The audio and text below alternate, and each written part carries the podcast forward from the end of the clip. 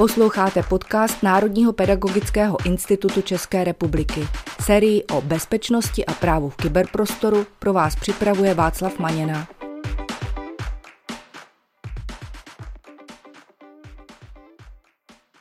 Vítám vás u dnešního dílu na téma Proč je zámeček před webovou adresou, který jsme pro vás připravili s Pavlem Matějčkem. Pavle, vítej. Zdravím tě Václave a zdravím i vás, naši posluchači. Dobrý den.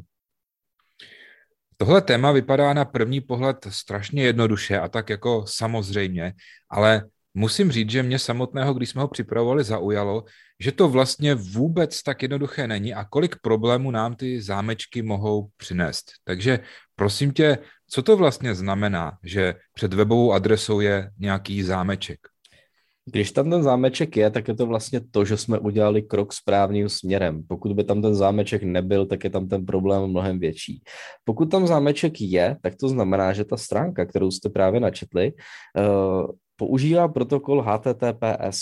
To znamená, že to je protokol modernější, který už používá šifrování a to je dobré hlavně proto, že nikdo nevidí, co na té stránce děláte, hledáte, píšete a odesíláte. A to se týká hlavně hesel.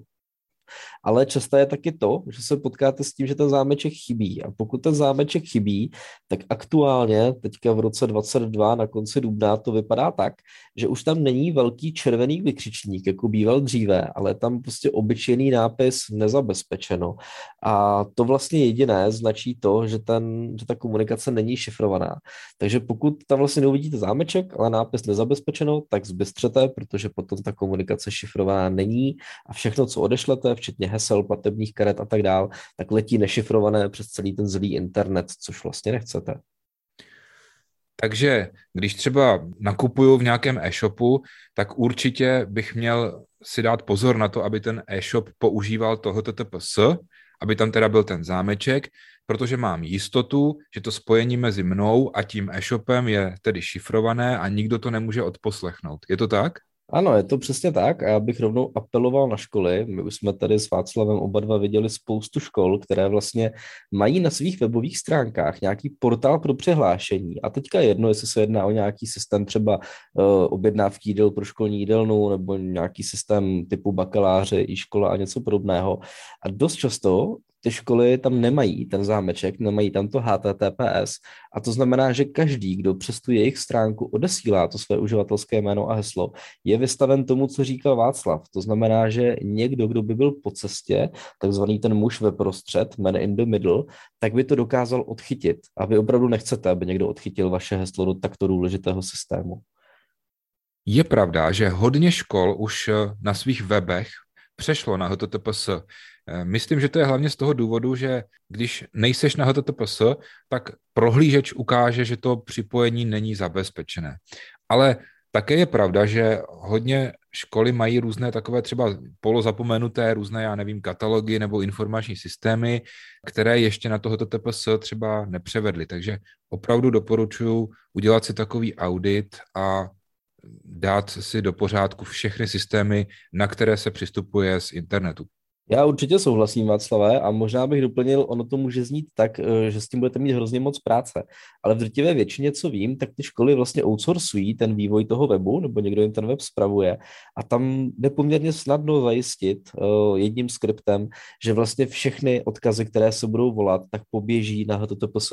Takže se nemusíte bát toho, pokud vám někde na tom vašem školním webu zůstane zapomenuté nějaké obyčejné HTTP, tak vlastně ten prohlížeč se s tím poradí, je všechno jako automaticky převádí na to HTTPS. Hodně škol má ještě třeba Moodle na HTTP a přeci jenom tam se hlásí učitelé, hlásí se tam žáci a další věc je, že asi do budoucna všechny prohlížeče, a to i prohlížeče mobilní, budou možná to varování zobrazovat jakoby v nějaké méně příjemné formě, anebo dokonce možná na tyhle ty nezabezpečené weby ani vás nepustí. Eh, já bych možná ještě doplnil eh, takovou věc, co se týče, řekněme, marketingových aktivit, která pak zajímá většinou třeba ředitele nebo management té školy, že vlastně pokud máte jenom HTTP certifikát, tak Google při vyhledávání, když někdo zadá hledání vaší školy, tak vás posouvá níže v těch výsledcích vyhledávání. Jo, algoritmus Google vlastně upřednostňuje stránky, které mají HTTPS, takže pokud ho nemáte, tak automaticky jako padáte níž, což je jako velmi špatné pro tu proklikávatelnost. Většina z nás jako ví, že pokud na Google prostě najdete něco v prvních pěti, deseti odkazech, tak už na tu druhou stránku jako málo kdo se prokliká. Jo? Takže určitě i z těchto důvodů je dobré to HTTPS nasadit.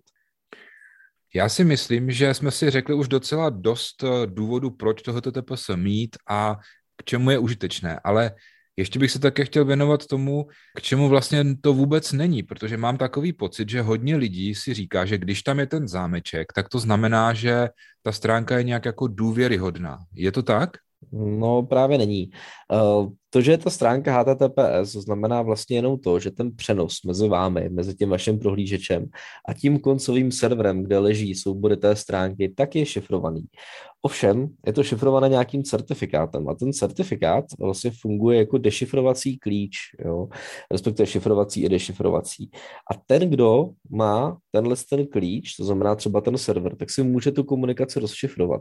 Ty si na začátku použil hezký příměr s tím e-shopem, což všichni určitě znají, takže si představte, že se hlásíte do vašeho oblíbeného e-shopu, ten má určitě zámeček, takže vy napíšete to své jméno, heslo, ono se šifrovaně pošle až na ten server toho vašeho e-shopu, ale tam se to musí rozšifrovat a ověřit v nějaké databázi, jestli to heslo je správné, jestli sedí potom se řekne, že ano nebo ne a pokud ano, tak vás to přihlásí. Jo?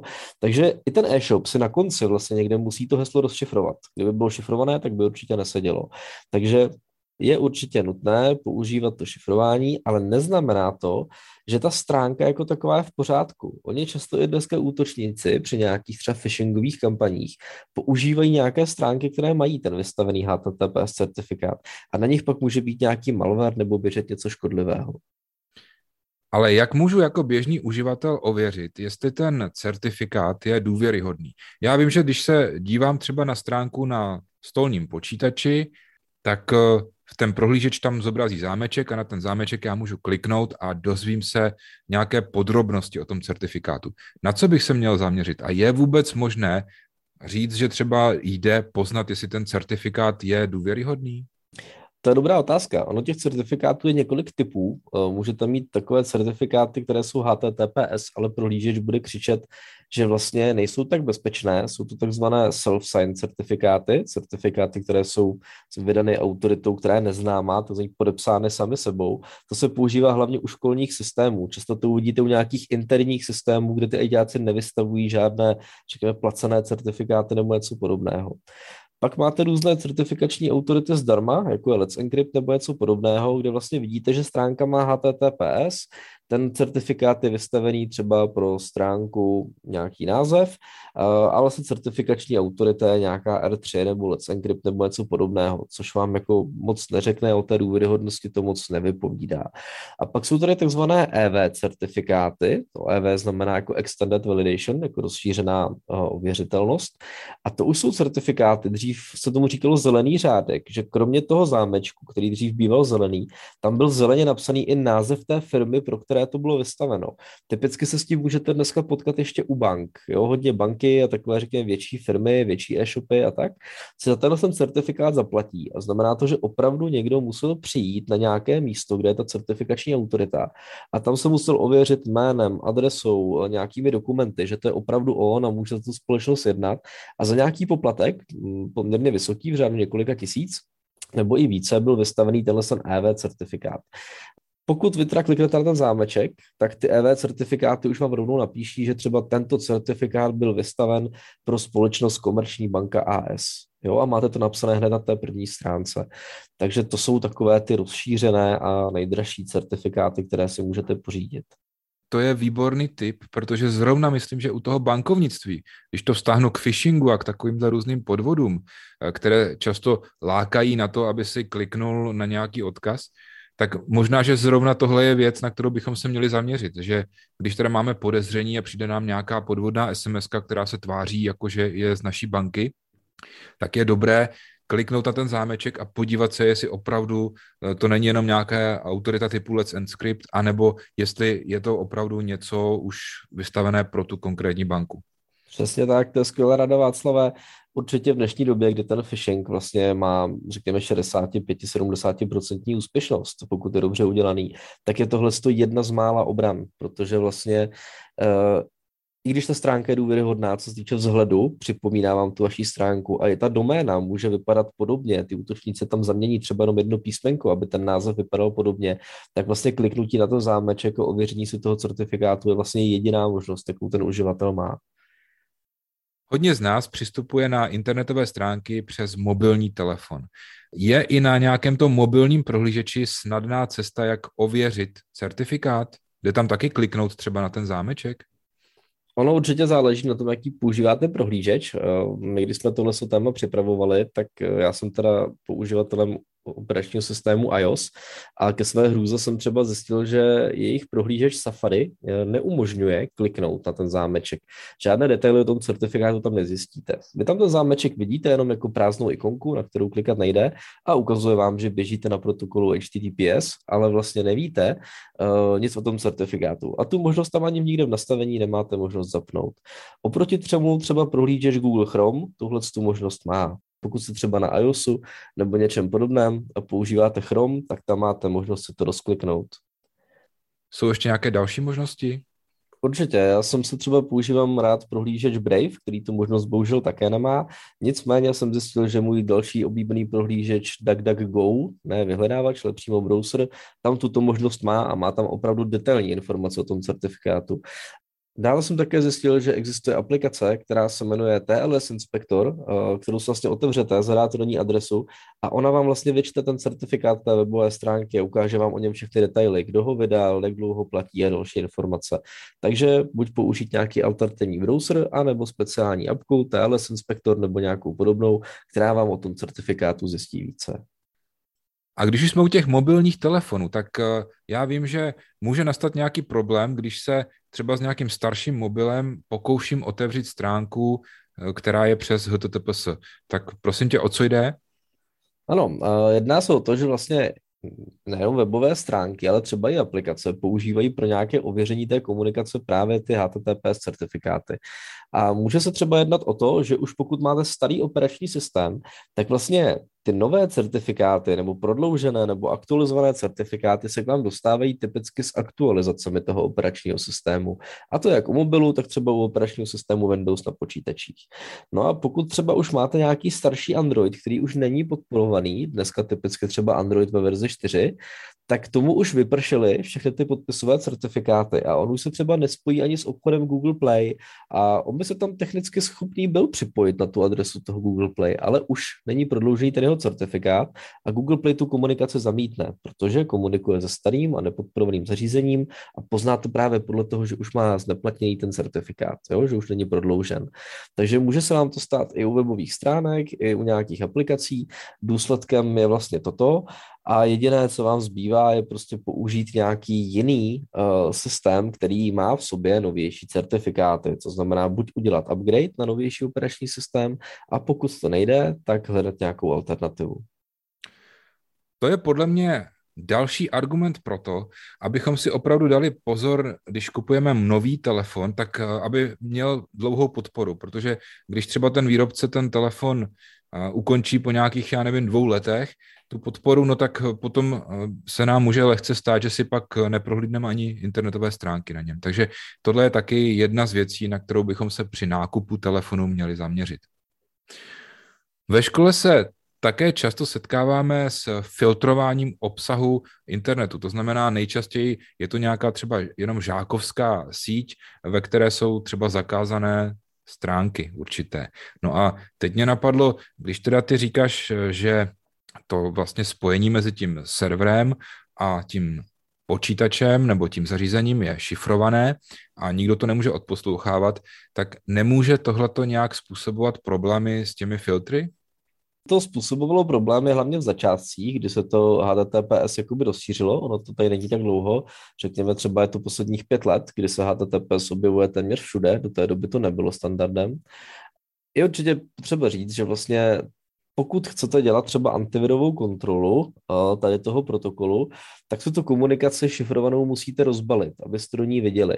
Takže vlastně jako antivirový program, pokud chce kontrolovat i HTTPS, které kontrolovat potřebuje, protože přes něj dneska většina provozu teče, tak si musí tu komunikaci přebalit. A na to můžou být některé služby citlivé. My jsme to třeba ze začátku pozorovali hlavně třeba u bank a podobně, kdy si banka myslela, že tam probíhá takzvaný man in the middle útok, že vám vlastně někdo do té komunikace vstupuje.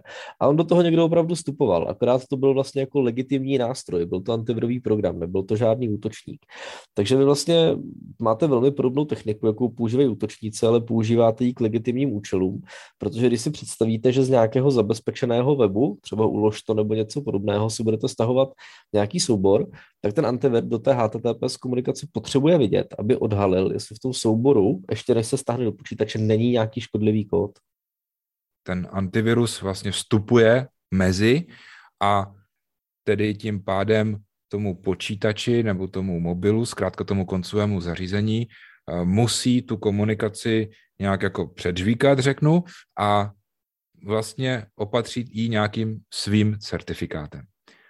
Tady může asi nastat problém, eh, že ten certifikát musí přidat mezi důvěryhodné certifikáty nějaký ajťák, ne? Nebo, nebo to ten antivirus třeba udělá sám? Oni u těch antiviráků uh, to mají pořešené tak, že to vlastně udělá sám nebo použije nějaký jako systémový certifikát, případně se ty certifikáty doinstalují prostě rovnou do Windows, do těch jako důvěryhodných kořenových certifikátů a tam už je to vlastně vyřešené. Jo? V počátcích s tím byly problémy, muselo se to, dělo, muselo se to dělat ručně, v dnešní době už je to vlastně automatizované. Uh, ty jsi ale na začátku říkal ještě něco jiného, že jsou takové ty školní blokátory webů, kdy vlastně se blokuje uh, přístup na některé weby. Uh, tam to naštěstí to HTTPS neovlivňuje, protože tam to běží trošku na jiné bázi. Tam vlastně ještě než se sestaví to HTTPS spojení s tou stránkou, tak probíhá tzv. DNS překlad, kdy se překládá ten napsaný text, ta napsaná adresa na tu IP adresu. A vlastně tyhle ty blokátory webu pracují tady s tou hodnotou, takže oni jsou schopné ty weby jako blokovat blokovat přístup na ty nevhodné stránky ještě předtím, než se sestavuje ten certifikát, takže tady v tom případě uh, mají ty správce školních sítích vlastně trošku ulehčenou práci, že nic dodatečného dělat nemusí a tyhle ty věci fungují takzvaně by default dál. Takže když to shrnu, když použiju úplně nějaké jednoduché blokování nevhodného obsahu, které je vlastně založeno na nějakém DNS filtru, tak je úplně jedno, jestli je ta stránka na HTTP nebo na HTTPS, zkrátka je tam jenom nějaký seznam zakázaných adres. Pokud ale potřebuji, aby něco, třeba ten firewall nebo ten antivirový program, kontroloval i tu komunikaci, tak v případě, že teda budu takhle kontrolovat i HTTPS, tak je potřeba nějakým způsobem dodat ten certifikát toho antivirového programu mezi důvěryhodné certifikáty do systému nebo do prohlížeče. Další krok, který se na hodně školách začíná používat, je filtrování provozu na úrovni firewallu. Tak tam asi taky ten ajťák musí nějak zasáhnout na těch koncových stanicích, ne? Hmm, oni ty firewally se s tím umějí docela dobře poradit a funguje to na podobném principu jako to vstupování té komunikace těm antivirovým programem. Takže buď firewally nebo různé transparentní proxy uh, už jsou na tohle připravené, jsou připravené pracovat s tím HTTPS provozem, vlastně umí instantně tu komunikaci přebalovat nebo do ní určitým způsobem nahlížet. Takže tohle je věc, kterou pokud si koupíte nějakého toho klasického výrobce, nechci úplně jmenovat, eh, tak tyhle ty věci jsou dneska základ, jo, protože dneska vlastně málo co už běží po HTTP a vy byste se měli snažit cokoliv v té vaší síti by na tom HTTP běželo vlastně vymítit. Když to máme nastavené tak, že třeba to funguje i v té síti pro zaměstnance, takovéhle filtrování, a teď najednou zjistíme, že já nevím, paní hospodářce nefunguje internetové bankovnictví, tak asi je první krok, na který bychom se měli zaměřit, podívat se, jestli náhodou ta banka nemá třeba problém s tímhletím firewallem a případně tu banku přidat na nějaký seznam důvěryhodných webů. Ano, oni určitě v těch firewallech i antivirových systémech jdou nastavovat nějaké výjimky, kdy ten antivir firewall nebo kdokoliv do té komunikace koukat nebude. Zrovna u té banky je to docela vhodné, protože třeba banky s tím mají problém. Oni když vlastně vidí, že ta komunikace byla po cestě jako přebalena, řekněme, tak to spojení mohou rovnou zahodit. Takže některé systémy jsou na to citlivější, tam pak jdou nastavovat výjimky.